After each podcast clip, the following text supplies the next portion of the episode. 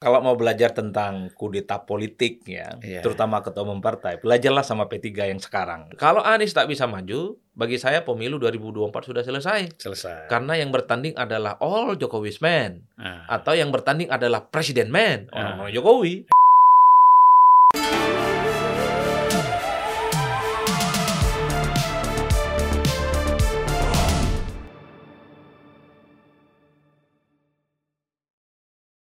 Mas Adi Prayitno, Siap, Bang? apa kabar? Sehat ya? Sejauh ini alhamdulillah lah. Sering saya lihat di TV, ya kadang-kadang ada bersama-sama saya juga. ya. ya, ya. Tapi saya kalau sama pengamat nggak berani berdebat. Eh, Kenapa begitu ceritanya? Hah? Ya pengamat bagaimana kita bisa berdebat? Udah pasti lebih ahli dari praktisi lah ya. Kalau saya kan praktisi. Nah, Mas Adi masih di sebagai direktur eksekutif parameter politik ya.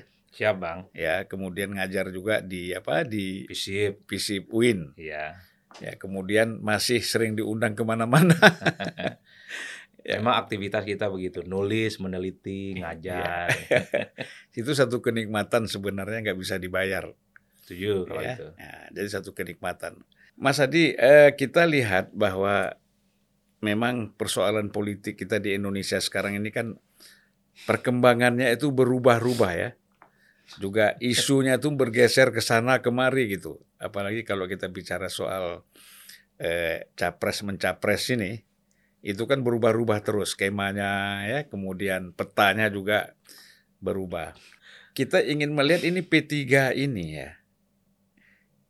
Artinya baru lima hari selesai apa tuh eh, raker muktamar atau rakernas namanya. Rakernas yang di Banten ya. Nah, rakernas yang di Banten yang di, mereka memilih Mas Murdiono ya, Pak Mardiono, Mardiono. Mardiono sebagai PLT Ketua Umum. Itu cepat sekali, kemudian SK-nya sudah keluar dalam tempo lima hari. Nah ini kalau Mas Adi melihat gejala apa ini? Jadi pertama kalau mau belajar tentang kudeta politik ya, Iya. terutama ketua umum partai, belajarlah sama P3 yang sekarang. Eh, Ini cepat, jelas dan sesingkat-singkatnya. ya, Lima hari pasca Rakernas di Banten, PLT kemudian mendapatkan SK dari Kemenkumham. Hmm. Satu presiden politik yang tidak pernah terjadi sebenarnya dalam sejarah prahara partai politik di mana pun. Hmm. Misalnya kita lihat Demokrat itu kurang lebih setahun ya. ya Kemudian Golkar kita juga tahu konfliknya juga panjang. panjang. Ya. Ataupun ketika konflik PKS ya, mazhabnya Anies Mata dengan mazhabnya Sohibul Iman juga panjang Hmm. ya. Sekalipun tidak bersengketa, bersengketa di hukum, tapi kan melahirkan satu partai politik baru. Ya. Nah, ini yang menarik itu kenapa cepat kan itu menjadi pertanyaan Iya. penting. Kalau saya sederhana, Bang, kalau mengacu pada undang-undang partai politik, ini Mhm. bicara normatifnya ya, ya, ya, ya. Bahwa kalau ada prahara konflik internal, maka harus selesai di Mahkamah Partai. Ya.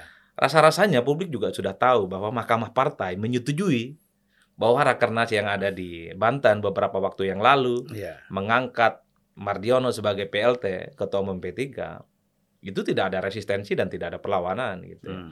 Yang kedua, hampir kita bisa melihat bahwa setelah Rakernas itu mayoritas DPW di seluruh Indonesia itu memang kelihatan samikna watokna, Hmm. lebih mendukung Mardiono ya ketimbang Soeharto. Bahkan per hari ini misalnya di elit P3 juga tidak ada yang membela. Adalah mungkin Pak eh, Saifullah Tamliha posisinya diganti saat ini Dari Komisi 5. dari Komisi Lumet, tapi itu kan letupannya kecil. Hmm. Beda sejarah dan konfliknya ketika misalnya konfliknya Surya Dharma Ali, konfliknya Pak Romi, Roma Hormuzi gitu ya. Panjang, ada kasus yang kemudian persoalan politiknya dibawa ke persoalan hukum gitu ya. Ini Iya. cepat. Karena ada beberapa variabel yang membuat menurut saya ini singkat. Pertama, Mahkamah Partai menganggap Rakernas itu legal. Yang Hmm. kedua, mayoritas pengurus partai elit ya di DPP ataupun di DPW Hmm. itu semuanya total mendukung Ya. Mardiono. Yang ketiga ya, inilah yang kemudian membuat kenapa Menkumham itu mengeluarkan. SK ke Menkumham itu ya, dan kemudian datang ke KPU tentu untuk apa namanya Hmm. melalui satu proses verifikasi KPU yang sekarang sedang berjalan ya. Ya, jadi Mas Adi melihat ini semata-mata eh, cepatnya keluar surat ini ya dan terjadi kita tidak bisa bilang konflik ya, seperti tidak ada konflik ya. Tidak ada konflik, ini semacam orang eh, kemalingan di siang hari, Bang. Ah, Ya biasanya maling itu ngendap-ngendap malam-malam hari dia ngegarong barangnya. Ya. Kalau Pak Soeharto nggak begitu, macam orang kemalingan di siang bolong gitu ya. Ya. Banyak orang di keramaian, semacam orang baru bangun tidur, Hmm. sebelum tidur nggak ada persoalan apa pun, tiba-tiba singgasananya hilang. Ya dia kalau nggak salah waktu itu dia di luar negeri, kemudian dia pulang tiba-tiba sudah tidak menjadi ketua Betul. umum lagi. Nah, yang Ya. menjadi menarik justru apa yang kemudian membuat misalnya hampir semua mayoritas ya, secara Hmm. total elit-elit P3 dari pusat sampai daerah Ya. mendukung Pak Mardiono. Mungkin ada kekecewaan yang soal seliptang Hmm. gitu ya. Tapi kan diskusinya nggak selesai di situ. Oke lah, Hmm. alasan formal, normatif, undang-undang, semuanya selesai. Ya. Karena SK Menkumham selesai. Yang kedua, ini sepertinya cuman yang terjadi pada level ketua umum. Karena di Hmm. bawah itu tidak ada kubu yang kemudian harus dihilangkan juga. Iya, Makanya iya. kemudian faksinya hilang, seakan-akan Pak Soeharto itu ditinggalkan sendiri, tidak ada Hmm. pembela, tidak ada loyalisnya, sehingga konfliknya begitu cepat. Ya. Tapi saya ingin mengatakan, publik tidak berhenti berspekulasi. Kok Hmm. segampang itu dikudeta? Kok Hmm. segampang itu selesai? Hmm. Kok segampang itu SK Kemenkumham? Hmm. Bukankah Pak Soeharto ini adalah orang dalam, punya Ya. penetrasi, yang mestinya juga punya kaki-kaki politik yang kokoh gitu ya, Hmm. Yang tidak terlampau gampang juga untuk dikalahkan ya pada level perebutan ketua umum. Ada dua asumsi ya, yang kemudian agak berkembang kalau kita merangkum dari pembicaraan publik. Pertama, ya satu lah ya bahwa memang secara politik Pak Soeharto itu terkesan membiarkan sejumlah kader-kader P3 yang suka deklarasi gitu ya ataupun Hmm. pasang spanduknya Anies Baswedan untuk diusung Hmm. 2024. Padahal kita tahu suasana batin kekuasaan politik saat ini itu Hmm. kan memang mengharamkan Anies Baswedan sebagai kandidat capres. itu itu adalah firm kan dan Iya, fake gitu. iya. Semua orang tahu. Tapi P3 sebagai partai koalisional pemerintah terkesan Pak Soeharto sebagai ketua umum membiarkan itu semua. Hmm. Kan spanduk balihonya di mana-mana. Enggak usah Iya. jauh-jauh. Di Jakarta sudah mulai bermunculan, di Bekasi bermunculan. Sejumlah anggota DPRD ada foto wajahnya dengan Anies mendukung untuk 2024. Ya. Secara psikologi politik itu mengganggu tentu saja bagi kekuasaan politik saat ini.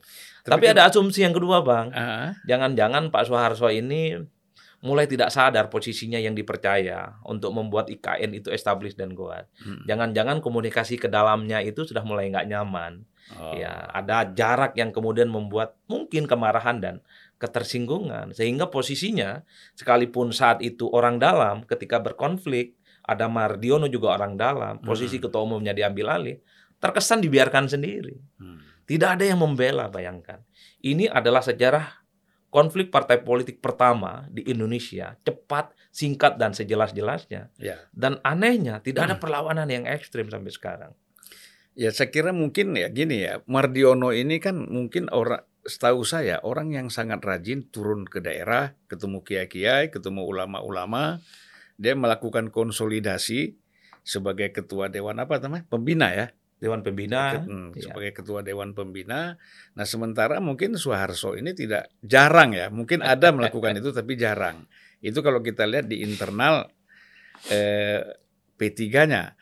Tetapi kan tadi yang kedua tadi yang disebutkan bahwa ada persoalan-persoalan komunikasi yang tidak lancar di internal eh, pemerintahan Iya. antara Soeharto sebagai apa tadi eh, sebagai menteri ya, Menteri yang ngurus IKN. ya. IKN, Bap- sebagai kepala Bappenas ya. Iya. Nah ini ya sebagai seorang eh, salah seorang ketua umum partai politik ya, saya kira hal-hal seperti ini kan tidak boleh terjadi sebenarnya komunikasi yang macet ini ya. Iya, iya. Nah, itu yang saya sebut tadi. Mungkin posisinya sebagai menteri itu tidak disadari betul oleh Pak Soeharto yang secara Hmm. perlahan Mm-mm. di mana mulai terjadi jarak, ada komunikasi yang tidak Hmm. selama lancar gitu ya dengan kekuasaan dengan istana soal posisinya tentang IKN. Mm-mm. Karena menurut saya agak janggal ya Soeharto yang begitu powerful posisinya Bappenas ngurusin Hmm. tentang IKN, nggak ada yang bela bang secara politik. Ini menurut saya tidak seperti konflik-konflik partai yang sebelumnya. Tapi mungkin juga ada alasan yang ketiga ya. Kenapa Soeharto itu terkesan ditinggal sendirian? Mm-mm. Kalau kita membaca narasi politik kubunya Pak Mardiono terutama, ini semacam uh, akumulasi dari kekecewaan kader-kader dan elit P3 dari Soeharto yang memang underperform, tidak Mm-mm. ngurus P3, Ya. ketinggalan momentum, tidak pernah bicara atas nama ketua umum partai, Mm. hanya sibuk misalnya sebagai menterinya Jokowi, sebagai Papenas ngurus IKN. Tapi momentum politik bagi P3 itu nyaris hilang. Tentu ada kegelisahan-kegelisahan dari bawah. Iya. Jadi kalau melihat wajahnya Pak Soeharto, banyak orang yang tidak tahu bahwa beliau itu adalah ketua umum P3. Mm. Padahal yang diharapkan oleh kader P3, Soeharto sering juga dong bicara tampil publik atas nama ketua umum P3, merespon isu-isu politik yang cukup sensitif, terutama misalnya ketika ada isu-isu tentang Islamisme, ada khilafah tentang Iya, syarat iya. Islam, bagaimana tentang seharusnya hubungan relasi antara negara dengan para kelompok-kelompok dalam tanda kutip ya kelompok-kelompok Islam tertentu yang Mm. emang agak tegang dengan negara. Tapi itu sepi dan hilang. Bahkan ada kesan di zaman Pak Soeharto ini, basis konstituennya itu sengaja ingin dijarakkan. Mm. Karena tiba-tiba Pak Soeharto mainannya isu milenial. Mm. Bukan lagi misalnya bicara tentang isu santri, memperkuat basis ulama, kiai, Iya, iya. dan pesantren. Puncaknya adalah Pak Soeharto bilang tentang amplop kiai. Iya. Itu yang membuat akumulasi semacam Hmm. gugu- gu- gugusan gunung es yang meleleh Iya. selama ini kekecewaan yang memuncak itu muncul satu momentum politik slip tang itu keselio Hmm. Makanya kemudian ketika Walaupun ada sudah minta maaf ya. ya minta maaf nggak cukup namanya orang marah ditumpuk bang ya Iya, iya. maaf sih oke tapi untuk ketum nggak boleh lah kan kira-kira Nah, begitu yang terjadi jadi Pak Soeharto itu adalah ketua umum P3 Partai Islam basis konstituennya ulama kiai dan santri Mm. tapi terkesan tidak ngerti kultur agama dan pesantren. Ya. Kan itu yang terjadi. Amplop kiai itu kita menyebutnya bisyarah. Saya 10 tahun di pesantren. Mm. Ngerti betul soal amplop nggak amplop itu. Mm. Artinya apa? Pemberian amplop, Islam uang itu isinya uang. Iya. Sebagai bentuk dan respect Iya. orang gitu ya. Karena Pak Kiai ini kan biasanya membimbing anak-anak muridnya itu kan lillahi ta'ala Bang. Mm. Jadi sebagai bentuk respect selalu ngasih uang. Dan Iyalah biasalah sem- hampir semua menteri ya pejabat kalau datang ke pesantren kan eh, pasti istilahnya bawa sangu lah ya. Ya buah Hal- tangan. ya hal biasa itu sebenarnya. Betul. Dan nggak perlu merasa itu bagian dari pemalakan. Iya. Tidak perlu itu bagian dari gratifikasi. Toh nggak dikasih amplop sekalipun, Pak Kiai biasa-biasa Iya, saja. iya. Mereka bisa menghidupi diri, menghidupi Hmm. keluarga, bahkan menghidupi ribuan pesantrennya. Iya. Karena memang mereka itu seperti koperasi, tanggung renteng. Jadi banyak sumbangan dari masyarakat. Setahu saya tradisi di pesantren tiap enam bulan sekali ataupun Hmm. setahun sekali orang tua santri yang datang itu pasti bawa amplop pak Iya. sebagai bentuk penghormatan setinggi tingginya kepada ulama, kepada kiai yang Mm. secara ikhlas membimbing dari anak yang nggak tahu apa-apa Iya. kemudian bisa menjadi besar gitu. Mereka berdiaspora di kampus-kampus terkenal di Indonesia. Bahkan pengusaha-pengusaha yang tadinya belum apa-apa ketika minta doa kepada kiai Kiai, menjadi betul. kaya, ya mereka juga bantu kiai atau pesantren kan? Betul, itu yang saya sebut ada semacam bentuk ketersinggungan Hmm. ya, semacam akumulasi kekecewaan terhadap Pak Soeharto. Yang paling ekstrim tentu P3 ini khawatir Hmm. bahwa di 2024 itu nggak bisa lolos. Ya. Berbagai survei-survei yang kita lakukan sepanjang dua tahun ini, ya memang ini alarm yang cukup merah gitu ya bagi P3 bahwa mereka Ya. ini memang sangat terancam. Angkanya masih 1,5 persen, Bang. Ya. Sementara pertarungan sudah di depan mata. Hmm. Jadi orang-orang yang selama ini gelisah, P3 nggak dapat momentum, ketumnya nggak ada perform di ruang Hmm. publik, kemudian ada keselio lidah, ya sudah ini dibabat gitu ya, ada di kudeta dan tidak ada perlawanan apa pun. Makanya kalau kita baca per hari ini, ya tidak ada yang membela Soeharto. Bahkan Hmm. Pak Saifullah Tamliha, satu-satunya orang yang bicara membela Soeharto, posisinya hilang Ya. dari pimpinan Komisi 5 gitu ya. Ya itu resiko politik ya. Jadi eh, kalau kita lihat itu kan apa yang dirasakan atau apa yang di eh, yang sekarang itu terjadi terhadap Soeharto ini kan akibat kelemahan dia Hmm. di dalam memanage internal partai, kemudian konsolidasi juga mungkin tidak dilakukan. Akhirnya ya kader-kader itu seperti tadi kok tidak ada sat- sama sekali suara Hmm. ya satu DPC aja misalnya kita katakan atau wilayah misalnya eh, mendukung dia kan Betul. Nah, Itu yang saya sebut bahwa komunikasi politik ke grassroots-nya juga bermasalah. hmm, Karena ya terbukti dulu sih awalnya ada DPW Jakarta, sayup-sayup misalnya ya berdiri tegak bersama Soeharto. Tapi itu cuma sedetik. selebihnya ya sami'na wa ta'na juga. Iya. Nggak jelas sikap politiknya. Ini menunjukkan bahwa kekecewaan yang bergemuruh di level Hmm. grassroots, struktur di level pusat, kabupaten dan kota terkonsolidasi memang Iya. berharap gitu ya bahwa Soeharto memang harus diganti. Itulah yang menurut saya ya Pak Soeharto itu dikudeta di siang bolong, Hmm. prosesnya cepat dan ditinggalkan sendiri. Hmm. Ini yang saya kira harus menjadi pelajaran penting bagi siapa pun karena ke depan potensi konflik itu sangat mungkin terjadi pada partai Hmm. politik mana pun, Bang. Konflik ini kan musiman, terutama menjelang pemilu.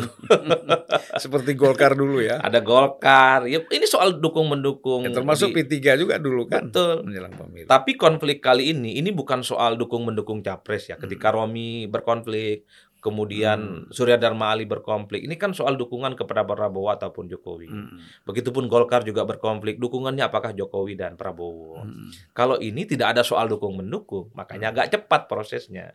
Tidak ada perlawanan pada level hukum. Nah, yang sebenarnya ingin ditunggu oleh publik, kemarahan Pak Soeharto itu apa bentuknya? Hmm. Apakah dia akan terus melakukan rekonsiliasi, mengonsolidasi kekuatan politiknya, kalaupun itu ada, ataukah dia misalnya melakukan perlawanan melalui jalur hukum, Hmm. menggugat SK Menkumham misalnya, karena Hmm. itu tidak legitimate ataupun ilegal yang seperti disampaikan waktu awal baru datang dari luar negeri. Ya. Kalau itu yang terjadi, maka konflik P3 akan panjang. Minimal seperti Partai Demokrat menghabiskan waktu kurang lebih satu tahun. Ya. Hmm. Tapi kalau kita lihat tipenya Mas Soeharto ini kan nggak mungkin melakukan itu ya. Artinya tadi udah kecolongan di siang bolong, ya di siang hari, ya sudah jalan satu-satunya ikut saja menyerah. Nah ini bisa jadi juga ya kemungkinan bahwa Soeharto ini menyerah karena memang dia lihat ini terlalu besar ini dukungan kepada Mardiono ini. Hmm. dia sebagai one team anggota one team press ya. Kemudian setiap hari bisa duduk di istana ber, ya berkumpul tidak dengan Pak Jokowi aja tapi dengan banyak orang di sana kan. Nah kemudian melihat ada kesempatan kelemahan terhadap diri ketua umum Soeharto ini ya ini kesempatan mungkin untuk mengambil alih P3 gitu loh Betul.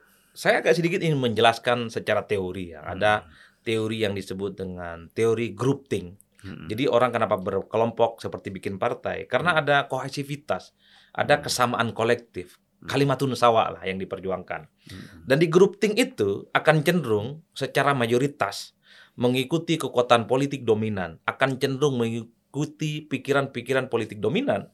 Nah ini sepertinya terjadi pada P3. Hmm. Pemikiran dan kekuatan politik dominan saat ini adalah anti Soeharto dan Hmm. pro pada Mardiono. Maka di situlah kemudian bertumpuk dan tidak ada resistensi. Tapi tidak ada yang bisa menjamin ke depan ya bahwa kalau memang posisi Mardiono tidak firm misalnya, tidak membuat P3 jauh lebih bagus, mungkin mayoritas pikirannya akan beralih kepada figur-figur lain yang diharapkan bisa membuat P3 establish dan kuat kembali.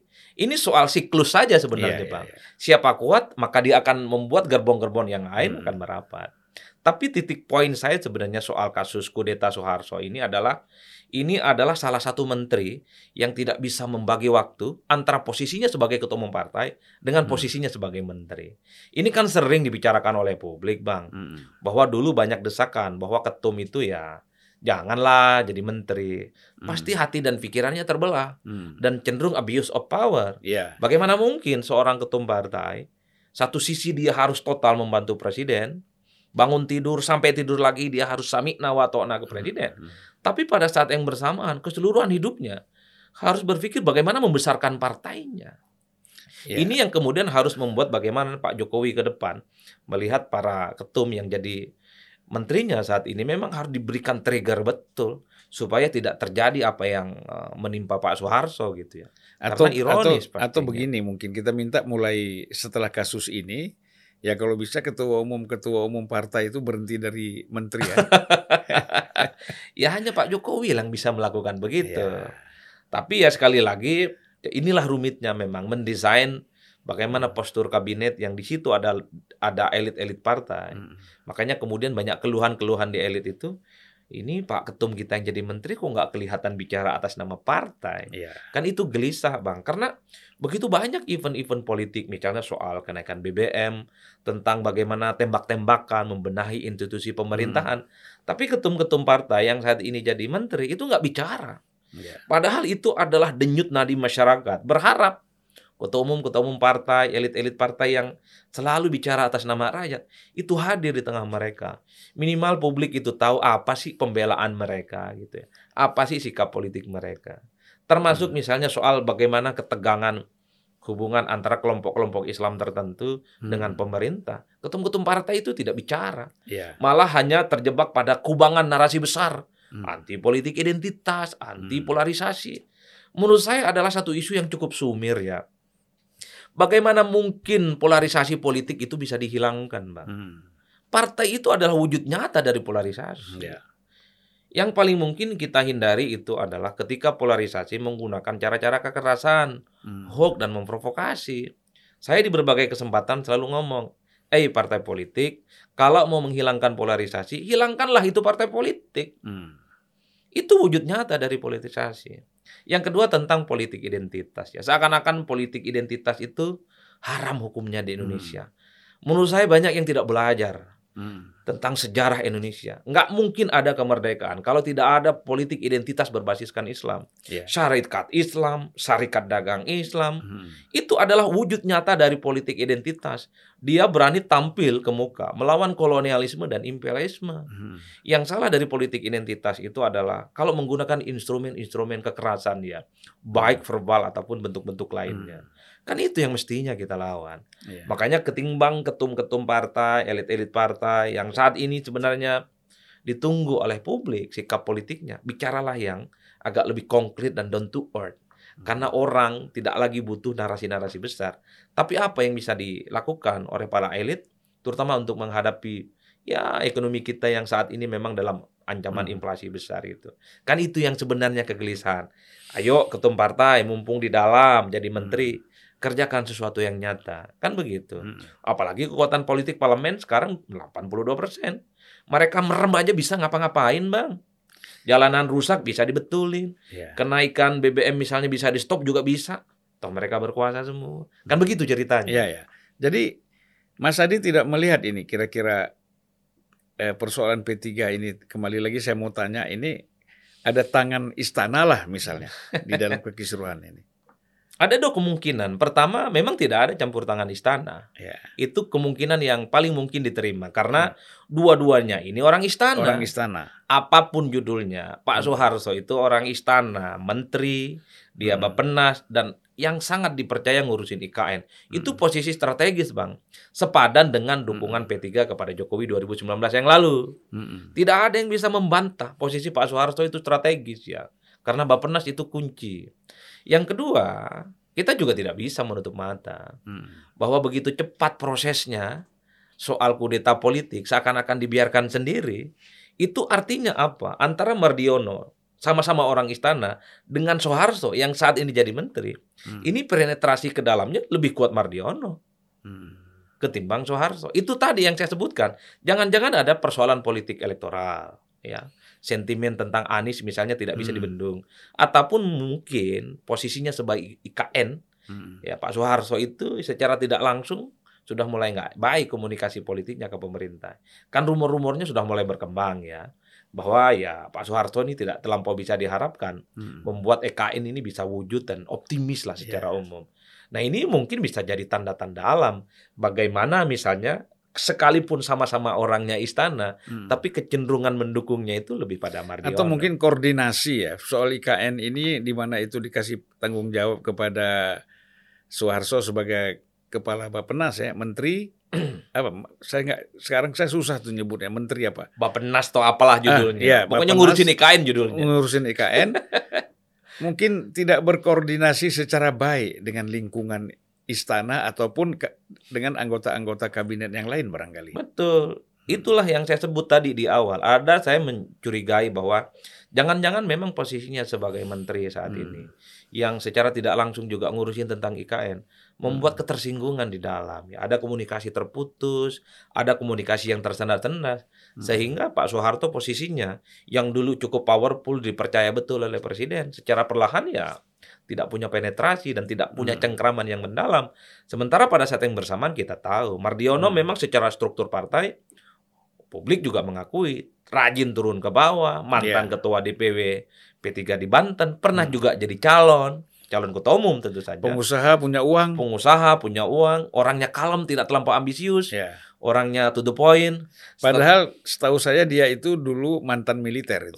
itu dia, itu dia. Kan militer ini bekerja senyap, tidak Iya. terlampau banyak bicara, Iya. to the point, konkret. Makanya setelah ditunjuk jadi PLT, dapat SK Kemenkumham, Pak Mardiono langsung ke KPU. Iya. menegaskan bahwa verifikasi faktual yang saat ini sedang proses perbaikan itu berjalan aman, tidak menjadi hambatan bagi P3 untuk tidak lolos. Kan Ya. itu yang terjadi. Hebatnya ini kudeta hanya terjadi pada ketua umum partai, tidak sekjen dan tidak pengurus-pengurus yang lain. Iya, iya. Makanya tidak gaduh, tidak ada konflik. Ya, makanya saya tadi bilang, Bang, ini semacam orang kemalingan sendirian dia kemalingannya di siang bolong tanpa dia sadari gitu. Artinya tidak ada yang bela. perencanaan atau rancangan untuk take over ketua umum ini sudah lama ada ya. Cuman mencari triggernya ini apa? Mungkin dari dalam itu bergemuruhnya lama di internal P3. Hmm. Cuman saat itu belum ada sosok yang dianggap mampu melakukan satu eksperimen politik menggantikan Soeharto. Hmm. Muncullah Mardiono sebagai jawaban. Pengusaha dekat dengan istana, one team press, Hmm. pengusaha punya uang, dan kepetigaannya ya 45 karat gitu loh Pak. Iya, iya. Ada nih sosok barang. Makanya saya selalu mengatakan pergantian Soeharto ke Mardiono ini semacam eksperimen politik. Hmm. Apakah ketika Mardiono jadi ketua umum P3, kekecewaan-kekecewaan yang ada selama ini bisa diobati? Misalnya bahwa ke depan Mardiono akan banyak bicara tentang isu-isu politik strategis tuh, Hmm. terutama bicara tentang keumatan, tentang santri, tentang kiai, tentang ulama gitu. Yang selama ini nyaris tidak pernah disinggung oleh Soeharto. Apalagi Soeharto bilang akan mundur posisinya sebagai one team press. Itu artinya apa? All the time, Soe- Pak Mardiono akan memastikan bahwa pikiran dan hatinya tidak terbelah ke mana-mana, Iya. hanya untuk P3. Inilah yang saya kira perlu kita tunggu. Ya, tapi kalau saya lihat ya tipenya Mardiono ini kan bukan tipe yang banyak bicara dan reaktif terhadap perkembangan situasi politik atau situasi eh, masalah-masalah kenegaraan. Menurut saya dia akan lebih banyak berkomunikasi dengan eh, masyarakat P3 ya, kaum muslimin, kemudian terutama adalah kiai-kiai di pesantren. Hmm. Pasti dia akan lakukan itu karena problemnya kan di situ sebenarnya. iya, memang setelah Pak Mardiono ditunjuk sebagai PLT, tugas terbesar P3 saat ini adalah segera mengangkat Mardiono sebagai ketua umum. Hmm. PLT itu posisinya nggak banyak, bang, nggak strategis. Hmm. Tidak bisa misalnya memutuskan keputusan-keputusan politik strategis. Hmm. Jadi P3 kita tinggal tunggu nih, kapan misalnya munaslup luar biasa lah istilahnya, Hmm. ataupun rakernas luar biasa, memastikan Soeharto bukan lagi PLT. Hmm. Tapi Yes, ketum. Mardiono, Mardiono. Eh, maksud saya Mardiono sebagai Hmm. ketum ya, Hmm. Supaya keputusan-keputusan politik strategis tentang P3 segera dieksekusi. Iya. Karena kalau PLT kan dia ya lah ya mutu walayah ya. iya posisinya PLT nggak bisa ngapa-ngapain, tapi dia Iya. dipercaya sebagai satu-satunya ketua. Segera lakukan itu. Eksekusinya jadi nggak nggak Nggak- mantap nggak ya. power. Iya. Nah, yang kedua tentu melakukan rekonsolidasi, terutama bagi ulama, kiai, santri dan pondok pesantren yang memang itu adalah core konstituen yang dimiliki oleh tiga. Menjauhkan P3 dari ulama itu nggak mungkin. Mungkin. Menjauhkan P3 dari pesantren dan kiai itu tidak mungkin, Bang. Makanya itu PR terbesar. Kita tahu Mardiono orang Banten Hmm. dan di situ banyak sekali pesantren. Dimulai hal dari Banten, Iya. terus ke Aceh, ke kampungnya Abang, ke kampung saya di Madura Iya, gitu ya. Dan di mana-mana. Mumpung pemilu masih lama. Karena yang lain juga menggarap pesantren dan Pak Kiai. Iya, iya. Tapi kan kalau P3 ini lebih kental ya eh, kepesantrenannya Iya. di selain di samping PKB lah. Ya, itu Dulu memang- kan dulu kita berharap sebenarnya publik secara umum ketika misalnya ada psikologi politik nggak nyaman antara PBNU dengan PKB, orang Hmm. berharap P3 ini akan besar nih. Hmm. Bukan 4% lagi dapat suaranya, mungkin Hmm. dia bisa dapat 8 ataupun 7%. Dengan harapan ada limpahan suara Nahdliyin ke P3. Ya. Karena kalau kita melihat anatomi basis konstituen dari dua partai ini, PKB dan P3, ya memang sama-sama NU, meski secara mayoritas ke PKB. Hmm. Tapi kan kita semua juga tahu bahwa banyak orang NU adalah afiliasi politiknya ke P3, Bang. Ya. Orang berharap, publik berharap P3 akan menjadi perahu besar, Hmm. rumah besar lah istilah mereka itu. Bagi umat Ya. Islam ya. Hmm, bagi NU terutama Ya. yang kecewa ke PKB karena Hmm. memang head to head betul dengan PBNU. Momentum itu tidak diambil alih ternyata dan terlihat Pak Soeharto ya menganggap ini bukan suatu hal yang serius untuk digarap Hmm. sebagai basis konstituen.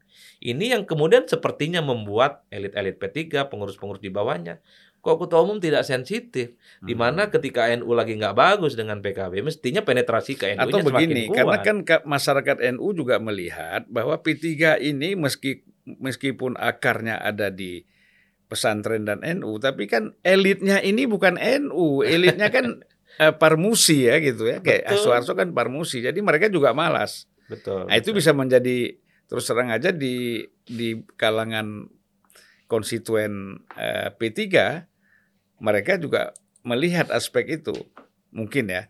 Nah, eh, atau yang kedua bahwa eh, ketua umum atau eh, elit yang ada tidak bisa memanfaatkan tadi apa? Eh, tidak bisa memanfaatkan ada konflik antara PBNU dengan PKB. Hmm. Nah, ini kan karena memang tidak bekerja secara serius untuk menangkap ini. Momen ini ya. Misalnya kalau sekarang misalnya Hmm. ada juga konflik antara NU dengan eh, PKB ya. Hmm. Nah, saya kira ini NU sekarang ini aktivis loh isinya. Ah, aktivis. Kalau mereka memang bisa membangun komunikasi dengan P3 dan P3 juga menyambut itu, saya kira PKB juga bahaya ini. Iya, kalau kita melihat struktur PBNU sekarang, kok rasa-rasanya tidak ada tuh politisi PKB di dalam? Ya. Itu kan menjadi tanda-tanda Hmm. bahwa hubungan PBNU dengan PKB lagi tak baik-baik saja, Iya. Bang. Nah, ini gagal lima kan. Karena kalau melihat basis konstituen PKB ya NU. NU dari dulu juga ada juga yang ke P3. Ya. Yang paling penting kalau kita lihat struktur pemilihnya P3 itu kan ya ulama, ada kiai, Hmm. pesantren gitu. Dan itu rata-rata NU. Gagal dimanfaatkan. Momen ini adalah semacam panggung besar sepertinya bagi P3 Hmm. supaya mendapatkan suara-suara Nahdliyin. Hmm. Karena efek konflik PBNU dengan PKB itu tentu dia berdampak kepada pemilih-pemilih di bawah. Hmm. Belum lagi misalnya PKB kan sejak dari dulu tidak akur dengan kubu Gus Durian Hmm. yang memang selalu head to head perang secara terbuka. Ya. Makanya ketika Soeharto uh, dilengsarkan sebagai ketua umum, harapan terbesarnya ya P3 kembali.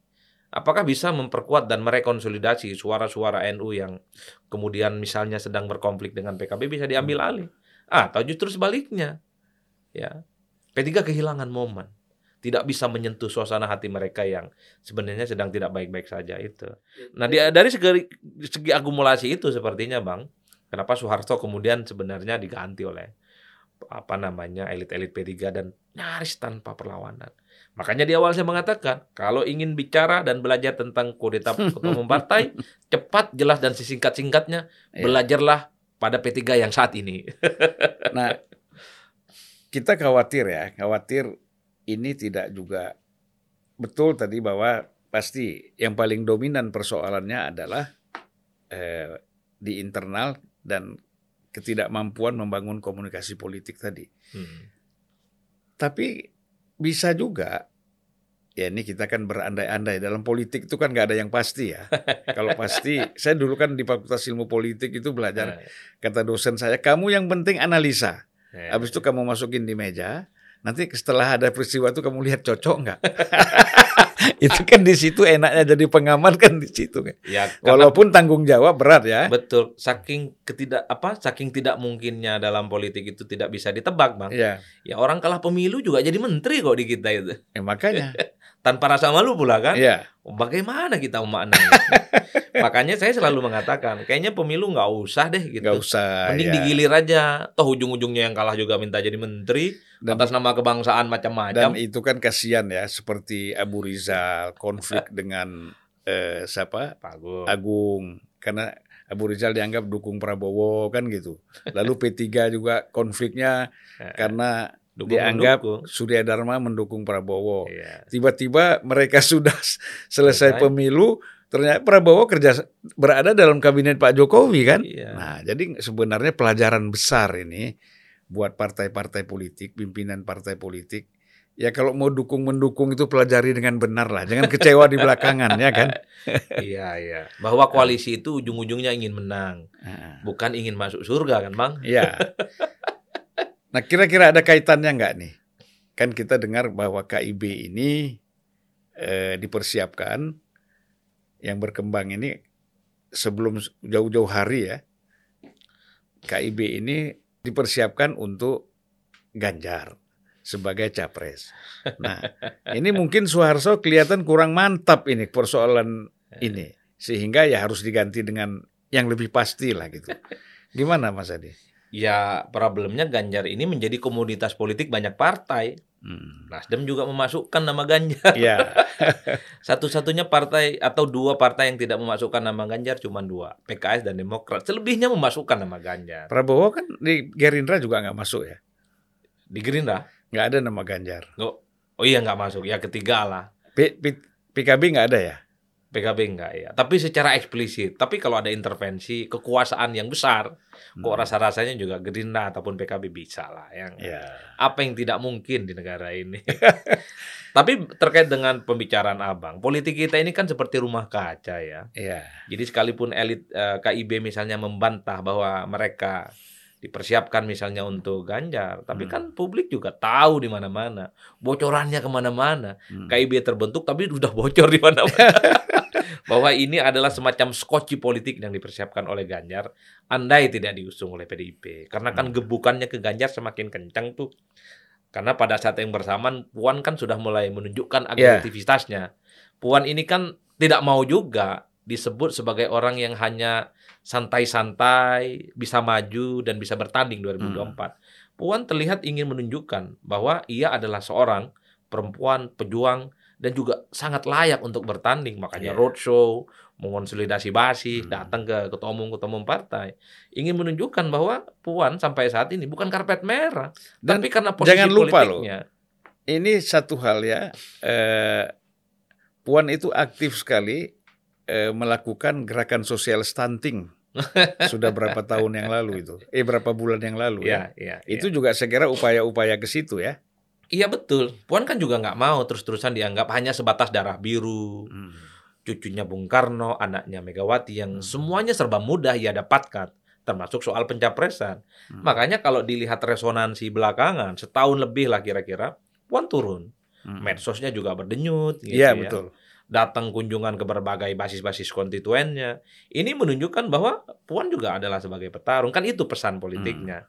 Nah tapi pada saat yang bersamaan, semakin Ganjar diserang, semakin dikritik oleh elit-elit PDIP, justru Puan juga nggak naik elektabilitasnya, Bang. Iya. Makanya wajar kalau kemudian KIB ini seak- seakan-akan dipersepsikan sebagai skoci politik yang memang dipersiapkan andai Ganjar tidak mendapatkan dukungan politik. Tapi kan rumitnya bagi Ganjar kan ya 20-30% basis konstituennya adalah pemilih PDIP. Hmm. Banyak success story ataupun kisah-kisah yang kemudian mengisahkan banyak politisi PDIP kalau sudah tidak berbaju merah itu nggak jadi apa-apa, Bang. Kayaknya itu juga jadi pertimbangan bagi Iya, Ganjar. saya kira gitu. Dulu ada di Jawa Tengah itu ketua DPD Jawa Tengah itu Mardio namanya. Oh, iya, itu luar iya. biasa. Powerful. Nah, ketika dia keluar dari PDIP hilang begitu saja. Betul. Kita ingat misalnya Pak Eros misalnya. ya ketua DKI Oh, iya, ketua DPD. yang Ya. waktu itu mau jadi calon gubernur yang juga cukup populer ya. Tapi begitu dia keluar hilang juga gitu loh. Nah, jadi saya kira memang eh ada keramatnya juga PDIP ini ya. Keramat.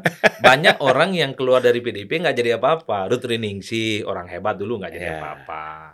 Eros Jarot juga hebat, bikin partai nggak jadi apa-apa. Hmm.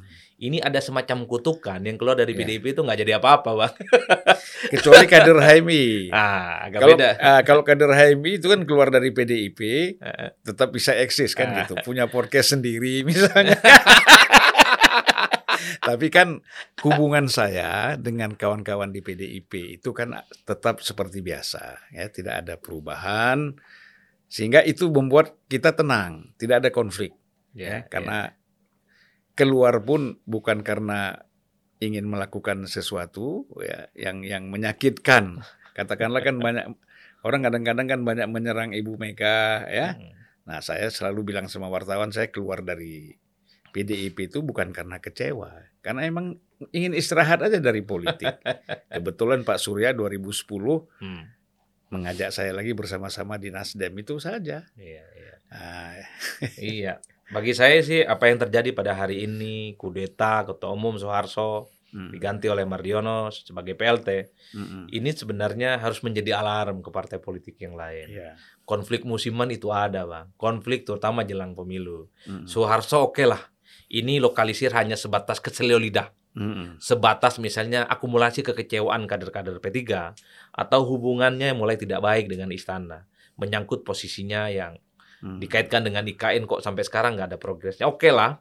Tapi dalam politik kita kan kalau sudah urusan tiket pentiketan, dukung mendukung, itu agak sensitif. Hmm. Ini yang kemudian bisa menjelaskan kenapa pada periode-periode sebelumnya banyak partai berkonflik. Hmm. Saya khawatir gitu, hmm. ada orang di dalam juga nggak sabar karena hmm tujuan dasar dari partai itu adalah kekuasaan, Pak. Yeah. Ya, mendukung capres, menang, dapat menteri, dan dia punya akses ekonomi dan politik hmm. yang bisa dikapitalisasi dalam jangka panjang. Kan politik kita sesederhana itu. Ya, ya. Jadi kalau kita lihat ya, apakah ini hanya persoalan Ganjar nih, persoalan di dalam apakah KIB atau persoalan P3 ini, ya, dan saya melihat ini mulai ada permainan juga nih Sandiaga Uno nih, mulai mau maju sebagai capres atau cawapres, ini mengganggu posisinya Prabowo ini. Gimana pandangan Mas Adi soal ini? ya rumit lah kalau membaca suasana hati secara umum ya. ya. Memang di 2024 belum ada yang pasti betul, Bang. Hmm. KIB bisa bubar jalan kalau ya. capres dan cawapresnya ini, ini tidak disetujui oleh tiga partai ini. Ya. ya termasuk misalnya Gerindra dan PKB juga bisa bubar jalan. Hmm. Andai misalnya Muhaimin Iskandar tidak jadi cawapres, udah balihonya sejak Tapi 2014 anda, bang. Anda nggak lihat koalisi yang tiga partai Nasdem, PKS ah, dan saya baru mau ngomong itu. Ah. Ah, ini juga belum tentu terwujud, sekalipun ah. misalnya ada desas-desus dan gosip sudah ada tim khusus, tim hmm. kecil, tapi kok tak kunjung-kunjung diumumkan ini barang. Tapi Barangnya November ada. katanya. Dulu bilangnya sebulan sebelum Anies lengser. Oh. Nah, ini sekarang November, nanti Desember, hmm. nanti tahun depan. Nah, yeah. itu politik yang serba mungkin juga kan. Bagi saya kalau memang Nasdem cocok lah ya dengan ketiga partai misalnya, hmm. ya apalagi yang ditunggu. Hmm. Ini tahun depan Agustus sudah pendaftaran Pilpres. Hmm. Kan kalau memperkenalkan capresnya Anies ataupun Ganjar ataupun Andika dari sekarang jauh lebih bagus terkonsolidasi. Jangan-jangan ketiga partai ini belum firm 100%. Yeah. Kalau Demokrat gabung dengan Nasdem sama PKS bisa tidak AHY hmm. sebagai capres karena call-nya tinggi. Iya, iya, iya. Karena nggak mungkin juga kan kehilangan momentum bagi Demokrat untuk 2024. Hmm. Sementara kita tahu suasana hati Nasdem tak mungkin lah sama AHY. Hmm. Tak mungkin lah AHY minta sebagai Tapi posisi gantinya Anies. Kalau capres, eh cawapres masih mungkin lah. ya, saya menyebutnya nggak mungkin malah ya.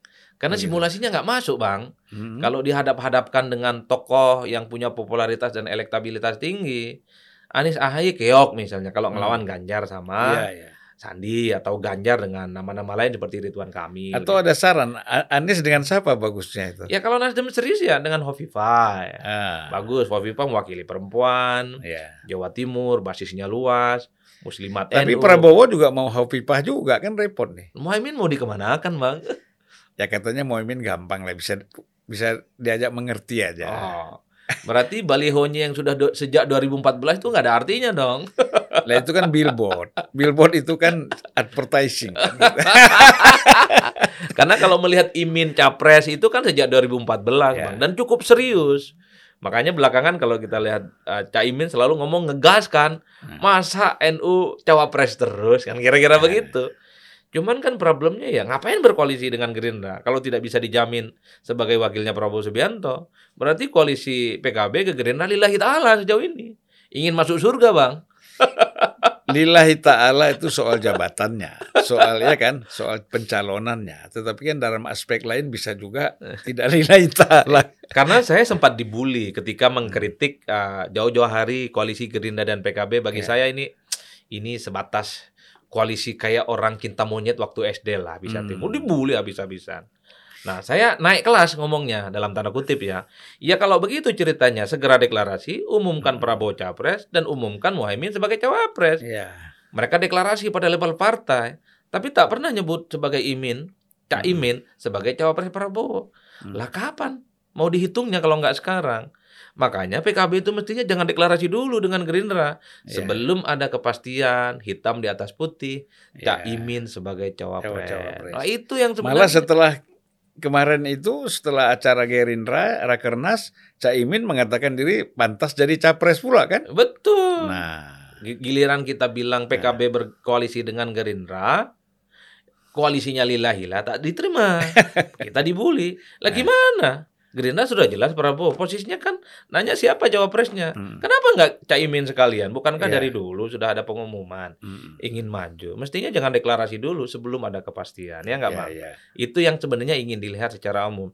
Karena kalau dilihat secara umum, anatomi kekuatan dan irisan politik PKB dan Gerindra itu nggak nyambung, Bang. Hmm. Basis pemilihnya beda banget, totally different. Beda. Sama dengan Nasdem dengan PKS ya? Iya. Baru sekarang kan mau ketemu kan? Ya gara-gara variabelnya sama. Ya, Setuju Anies sebagai presiden, Iya, calon, calon presiden. Hmm, gitu. Nah kita juga nggak tahu nih Nasdem serius nggak? hmm. Jangan umbang-umbang kanan kiri juga ya lama-lama kan? Ya, ya. Nah ya makanya kita kita harap serius lah. nah, itu yang ditunggu oleh publik biar Ser- ramai juga. Kalau nggak serius nanti eh, lawan kotak kosong dan capres ini kan berat. ya nggak apa-apa. Siapa tahu kotak kosongnya menang seperti di Makassar kan? Ya, kayaknya begitu ya. Nah ini kan kita khawatir ya kalau kembali ke P3 tadi ya. Saya ke- kekhawatiran ini begini. Apakah ini nanti hal serupa bisa terjadi terhadap PAN gitu lah, bisa jadi terhadap Golkar misalnya, atau partai-partai lain lah, ya kan? Kalau dilihat eh, pasca 2004 sampai sekarang, Hmm. di mana pemilihan presiden secara langsung terjadi, kan yang bergoyang konflik internalnya kan cuma Hmm. P3 sama Golkar, bang. Mm-mm. Yang lain-lain tidak ada. PKS konfliknya bukan karena urusan pilpres ya, tapi Hmm. karena bagaimana perlawanan Fahri Hamzah terhadap elit Hmm. PKS yang dianggap tidak memberikan ruang, ataupun konflik apa namanya PAN itu tidak ada konflik sebenarnya. Mm-mm. Cuman Amin Rais keluar. Ya. Belum ada sejarahnya PAN itu berkonflik, kemudian rebutan kepengurusan, Mm. misalnya jatuh ke pengadilan, menggugat sampai Mahkamah Agung tidak ada sejarahnya. Mm-mm. Sejak PAN itu berdiri, Hmm. yang sering berkonflik itu memang dua partai ini, Golkar dan uh, Eh, apa namanya P3. Di Hmm. antara Golkar dan P3 yang paling banyak berkonflik adalah partai Islam ini. Ada juga walaupun kecil jangan kita nggak sebut lah Hanura kan ada. yang nggak lolos parlemen nggak terlampau perlu dihitung. Iya. Kalau mau agak dipanjangkan ya ada berkarya. ada berkarya ya. Belum apa-apa sudah perang duluan. Makanya saya kira potensi itu ada ya. Tapi Iya. partai-partai ini sepertinya memang sudah bikin border supaya Hmm. konflik menuju 2024 itu bisa Iya. diselamatkan. Makanya saya sebut tadi bahwa persoalan Soeharto di kudeta di tengah jalan, ditinggalkan sendiri di siang bolong gitu ya, Hmm. harus menjadi pelajaran betul bahwa apa pun bisa terjadi di kemudian hari. Terutama kalau dukungan capresnya salah, tidak sesuai dengan selera politik kekuasaan misalnya. Ya tinggal tunggu waktunya saja. Iya. Kapan ini akan meletup prahara dan konflik internal itu. Nah, jadi kalau kita lihat dari menjelang pemilu ini ya, mungkin bisa kasih gambaran sedikit mengenai peta-peta partai politik ini seperti apa. Ya bagi saya ujung-ujungnya partai politik itu akan merapat pada Hmm. calon yang memiliki popularitas tinggi dan Hmm. diprediksi akan menang 2024, Bang. Hmm. Karena percuma ada empat partai, lima partai, atau banyak partai yang mendukung kalau jagoannya nggak kuat Ya. dan diprediksi kalah. Makanya saya sebut KIB Hmm. ataupun Gerindra PKB ini bisa bubar kok sekalipun Hmm. sudah oh, deklarasi di mana-mana. Kalau jagoan yang mereka usung itu diprediksi kalah. Hmm. Jangankan koalisi-koalisi ini, Bang. Loh, Koalisinya Prabowo Subianto yang sudah berdarah-darah bersama-sama dibubarkan kok dan ditinggalkan dan Prabowo menjadi bagian dari kekuasaan. Hmm. Itulah yang kemudian menurut saya menjadi titik kunci. Kalau nanti orang seperti Ganjar Pranowo dapat tiket, kok rasa-rasanya partai-partai ini akan banyak merapat. Hmm. Entah siapa pun nanti Ganjar diusung, syukur kalau dari PDIP misalnya. PDIP banyak senjata pusakanya berarti. Ada Megawati, ada Jokowi, ada Ganjar, Iya. dan PDIP sendiri. Empat pusaka, Bang. Hmm. Yang paling siap menghadapi pemilu 2024. Tentu partai-partai yang lain tergoda dong. Hmm. Atau misalnya pada seberang yang lain. Kalau Anies jadi diusung oleh Nasdem misalnya, saya kira partai-partai yang menganggap Anies punya daya tarik akan merapat. Ya minimal Hmm. PKS dan Demokrat lah. Semakin yakin untuk bertanding. Karena dua figur ini yang sangat mungkin untuk bertanding dan head to head di 2024. Prabowo Subianto menurut saya ya orang sudah mulai mengalami satu kebosanan. Hmm. Spesialis capres dan kalah terus, Bang. Hmm. Nah, bagi saya PKB tidak membaca itu. Kok mau gitu ya berkoalisi dengan sosok yang sudah tiga kali nyalon dan kalah. Makanya the end of the day-nya siapa pun yang bisa maju, popularitas dan elektabilitasnya bagus, di situlah partai politik itu akan merapat. Makanya koalisi-koalisi ini kan Iya. iseng-iseng aja bagi Iya. kita. Nanti dilihat lah ya siapa yang persis seperti Jokowi dengan Prabowo dulu ya. Dan dan yang paling penting, kalau Anies tak bisa maju, bagi saya pemilu 2024 sudah selesai. Selesai. Karena yang bertanding adalah all Jokowi's man Nah, atau yang bertanding adalah presiden man, Ah. orang-orang Jokowi. iya. Mau Prabowo, mau Puan gitu ya, mau Ganjar, Ganjar. mau Sandi, mau Erik, mau Erlangga. Bagi Jokowi nggak terlalu penting, semuanya adalah orang-orang Jokowi. Ya, ini kalau kita dalam sepak bola kita nonton untuk apa bukan untuk final juara satu juara dua juara tiga juara empat kan Iya. boleh ditonton boleh tidak iya, 2024 itu akan menarik kalau ada variabel Anies Baswedan. ya. Cuman kan problemnya kita melihat misalnya Nasdem masih umbang kanan, umbang kiri. Iya, capresnya memang ada, tapi ada tiga nama. Ada ada Anies, ada Andika, ada Ganjar. ada Ganjar Ya tinggal orang nunggu kapan nih seriusnya Nasdem nyebut satu nama dan serius cari partai. Ah, Ya. kalau itu yang terjadi, ya maka 2024 akan menarik. Cuman pertanyaan terpentingnya, Bang, mau tidak Nasdem Pak Surya Paloh memang pisah jalan dengan Pak Jokowi ya. Kalau pisah jalan dengan PDIP mungkin sangat terbuka. Hmm. Beda mazhab dengan Megawati mungkin sangat siap. Pertanyaannya adalah mau tidak, siap tidak ya. Nasdem, Pak Surya Paloh beda mazhab dengan Jokowi ya. Itu pertanyaan yang belum terjawab Ya, sekarang. tapi kan bisa juga beginilah.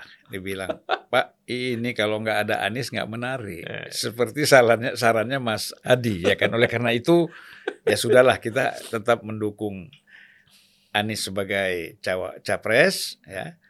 Dan hubungan kita tetap selalu bersahabat dan baik, berteman baik kan bisa juga lah gitu. Itu kan kalimat bersayap, Bang. Nah, Bagaimana mungkin mendukung capres yang tidak disetujui oleh Hmm. kekuasaan saat ini? Nggak mungkin pasti begini, Bang. Clash. Lah terus mau dukung siapa? Kan nggak mungkin dukung Ganjar semua. Lalu kita tadi melawan kotak kosong kan gitu. Nggak mungkin kalau kotak kosong. Nah, itulah yang kita tunggu. Ini manuver Hmm. Nasdem nih. Karena kan Nasdem satu-satunya partai politik koalisional pemerintah saat ini Hmm. yang rasa-rasanya siap pisah jalan. Kalau yang lain kan tidak kan, tidak kelihatan siap ya. Mungkin eh, Demokrat siap. Ya itu kan memang dari dulu Ya, beda PKS siap PKS kan? beda mazhab. Nah kalau Nasdem juga siap kan berarti tiga partai ini bisa mengusung sendiri kan. Iya. Nah. Itu kapan pertanyaannya? Nah kita tunggu paling tidak 10 November ini. Kalau 10 November juga lewat, wah ini berarti ada pertimbangan dan perhitungan lain. Apa yang tadi diprediksi oleh eh, Mas Adi Prayitno ya. Dan dan saya selalu mengatakan ketika Nasdem serius mengusung Anies, ini kan semacam perjudian luar biasa. Hmm. Satu, basis konstituen Nasdem itu bukan ke Anies, tapi Hmm. Ganjar Pranowo. Hmm, Karena kan fatsun politiknya nasionalis. hmm, Anies itu dipersonifikasi sebagai figur Islam lah ya. hmm. Yang kedua, jangan sampai misalnya basis pemilih Nasdem ini ketika memilih Anies suaranya bergemuruh. Hmm, Ya, ini ancaman serius tentu bagi Nasdem di Pileg. hmm, Dan pada saat yang bersamaan, Anies di Pilpres belum tentu juga menang. hmm. Kalau lawannya itu misalnya Ganjar dia dengan Sandi.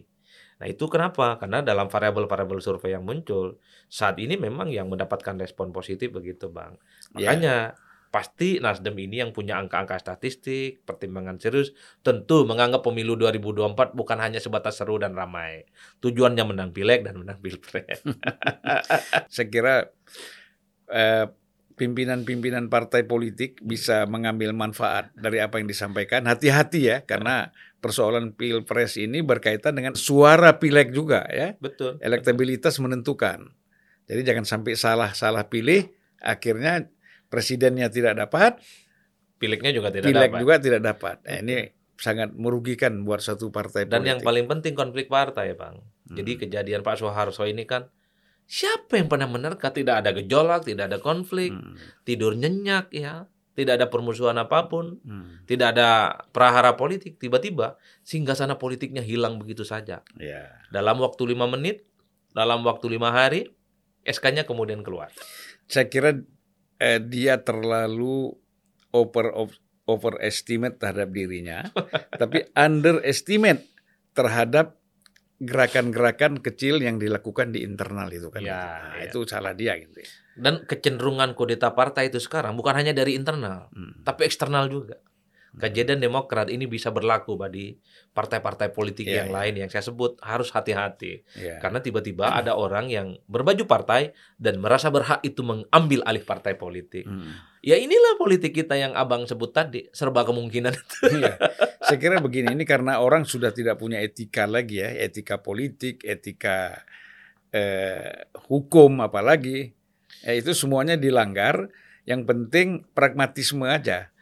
Saya mau ambil te, ambil ini, saya lakukan gitu kan. Ini bahaya kalau seperti ini. Etika politik itu hanya indah didiskusikan di ruang kelas, Bang. Ah, Hanya nyaman kita baca di teks-teks buku politik. hmm. Karena pada level praktiknya, ya etika itu ya dibuang ke tong sampah. Yang ada adalah mengkapitalisasi sumber daya ekonomi dan politiknya, menguasai partai, ikut pemilu, menang, jadi menteri. Selesai. Kan itu Saya saja. itu makanya kalau artinya kemuliaan politik itu jadi hilang kan gitu. Padahal politik itu kan juga punya kemuliaan tersendiri ya untuk tidak hanya bicara kekuasaan tapi juga bicara soal keadilan eh, publik rakyat. Nah, Kalau itu hilang hanya untuk mendapat kekuasaan saya kira ya bahaya sekali. Karena begini bang, karena hakikat dasar dari partai itu berkuasa. Hmm. Partai itu bukan majlis taklim yang ingin masuk surga, udah itu aja kuncinya. Dan di Indonesia saat ini partai politik itu adalah satu-satunya instrumen ya, di mana semua jabatan politik, semua jabatan publik bisa dikendalikan. Jangankan yang formal-formal, contoh presiden harus dari partai, Hmm. dewan dari partai gitu ya, kepala daerah dari partai sekalipun ada calon persoalan. Mahkamah Konstitusi. Iya, peminatnya sepi ya Hmm. kalau calon Mahkamah Konstitusi. Kalau ingin jadi komisioner KPU di Komisi 2, Hmm. mau jadi pimpinan KMK Komisi 3, Hmm. mau jadi auditor BPK Komisi 10. Apa yang tidak KPPU diinterpret- Komisi 6. Betul, cukup powerful. Iya. Inilah yang kemudian bisa menjelaskan kenapa begitu banyak orang yang tertarik merebut partai politik entah dari Hmm. dalam ataupun dari luar. Apalagi jelang 2024, alasannya banyak, bisa 100 alasan Iya, iya, untuk mengkudeta partai politik, tidak Islamis lah, tidak Indonesia lah, tidak NKRI lah, pokoknya ganti, rebut, sengketa, SK Menkumham sampai berdarah-darah. Yang terakhir berarti harus hati-hati. iya. Ya, pimpinan partai politik harus hati-hati ya dengan kekuasaan yang dia miliki. Itu juga beban buat dia. Dan kapan saja pun bisa dia lakukan intervensi untuk merebut eh, kekuasaannya kan gitu. Saya jadi ingat eh, Bang Napi ya, dulu kan ada tuh Bang Napi katanya. Oh ya ya. Jadi kejahatan itu bukan hanya karena niat, tapi karena ada kesempatan dan dukungan. Begitupun itu berlaku bang ke kudeta partai. Kalau ada Ya. kesempatan, ada dukungan, kudeta itu akan terjadi bagi partai politik mana pun. Jadi apa multi partai ini masih perlu kita pertahankan nggak? Ya memang partai ini instrumen untuk meraih kekuasaan. Semakin banyak partai, semakin banyak perkelahian. Dan Ah. hakikat dasar partai itu memang berkonflik dan berkelahi Hmm. bang. Makanya di sekian banyak fungsi dari partai politik itu adalah agregasi kepentingan partai. Kepala-kepala orang itu dipertemukan. Cuman kalau kepala yang berbeda-beda ini nggak ketemu, pasti ribut dan konflik. Problemnya adalah ada yang nekat berani konflik sampai tuntas, Hmm. ataukah seperti Pak Soeharto, Hmm. konflik, salaman, ya kalau bisa cari aman masing-masing. Hmm. Minimal posisi menterinya nggak dicopot lah. Gitu. Kan itu saja konfliknya. Ya apa yang perlu dilakukan oleh partai politik ini ya pertama mereka harus dipercaya oleh publik, kemudian mereka harus ya tidak seperti apa yang digambarkan tadi lah ya. Kira-kira apa yang perlu dilakukan? Ya, partai hati-hatilah. Kudeta mengkudeta itu adalah semacam kutukan turun menurun ya. Hmm. Biasanya terutama jelang pemilu itu selalu ada letupan-letupannya. Hmm. Bahkan kecenderungan kudeta partai sekarang bukan dari dalam, Hmm. bahkan ada fenomena dari luar kan begitu. Iya. Seperti yang terjadi pada Demokrat. Yang kedua, ya tentu saja partai ini sudah harus kembali ke hitohnya. Hmm. Partai itu ya menyapa rakyat jangan lima tahun sekali dong. Hmm. Tapi eh, dia day to day harus kerja secara politik ya. Selami kesulitan rakyat. Kalau kesulitan ekonomi tentang lapangan pekerjaan ya bantulah mereka mendapatkan akses itu semua. Tanpa itu semua ya partai politik itu ya hanya ada di Menara Gading Hmm. dan selalu akan dibully. Karena kalau kita melihat data-data survei, kan tingkat kepercayaan publik ke partai itu rendah, Bang. 11 Iya, 12 dengan DPR paling rendah. Padahal kita tahu partai itu adalah satu-satunya lembaga instrumen yang saat ini cukup powerful, Bang. Jadi di negara ini kalau mau top, mau hebat Ya, benar. partai Jadi politik. partai politik itu jangan hanya sekedar pamer bendera-bendera umbul-umbul ya simbol-simbol di tengah rakyat, tetapi tidak berbuat sesuatu yang konkret kepada Betul. rakyat. Sepertinya elit-elit partai itu memang kesimpulan satu berpartai, hanya untuk dapat kekuasaan, Hmm. bukan ingin masuk surga seperti Majlis Talim itu. Kira-kira Ya. begitu. Ge- Coba kasih sedikit satu setengah menit saja closing statement yang memang perlu Mas Adi sampaikan. Ya pada prinsipnya bahwa politik kita serba dinamis ya. Hmm. Menghilangkan partai politik itu tidak mungkin ataupun diserahanakan ya. Dari multi partai ekstrim ataupun menjadi serahana menjadi empat atau tiga itu nggak mungkin. Karena memang partai politik itu adalah wujud nyata dari denyut nadi begitu banyak kepentingan-kepentingan politik di bawah.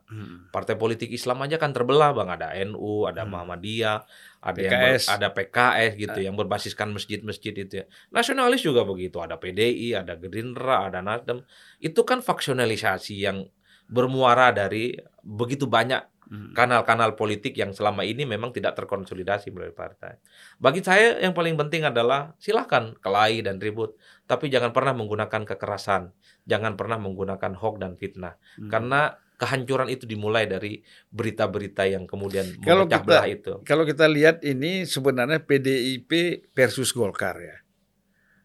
Walaupun tidak secara langsung kan Prabowo Golkar, Surapalo Golkar, ya kan, Hanura itu juga Golkar, Golkar. kan hampir semua Golkar ini, Betul, betul. ya kan, latar belakangnya. Ya cuman memang eh, Golkar belakangan cukup mesra dengan PDIP. Ini satu mena, fenomena politik yang menarik, Iya. Bang. Dulu biasanya head to headnya ya antara Golkar dan PDIP. Tapi 2014, 2019, bahkan 2024 kok kayaknya dua partai besar ini akan ada adem ayem ya. Hmm. Justru saya melihat 2024 rivalitasnya itu Nasdem dengan PDIP. Oh gitu ya. Ya kan begitu ceritanya. Jadi yang sering berbalas pantun itu bukan Golkar sama PDIP, Hmm. tapi Nasdem dengan PDIP. Ya, ini sinyal-sinyal bahwa di 2024 Nasdem memang sepertinya cukup siap pisah jalan dengan PDIP, siap pisah jalan dengan Istana dan Jokowi. Gitu. Tinggal tunggu nih apa gebrakannya supaya 2024 ya capresnya bukan itu-itu saja. Ya ya betul. Saya kira politik juga sekali-sekali perlu bersikap berbeda ya. Baik Mas Adi, terima kasih Siap, banyak ya. Terima kasih Luar biasa sat- diskusinya. satu jam lebih kita kuras semua pikiran-pikiran Mas Bentar Adi ini, boleh diminum nggak? Oh atau, boleh ini. atau hanya sebatas Eh, ini kopi Aceh campur sidikalang. Oh, Ah. gitu ya. Ya. Sekali-kali nanti kita ngopi Madura, Bang.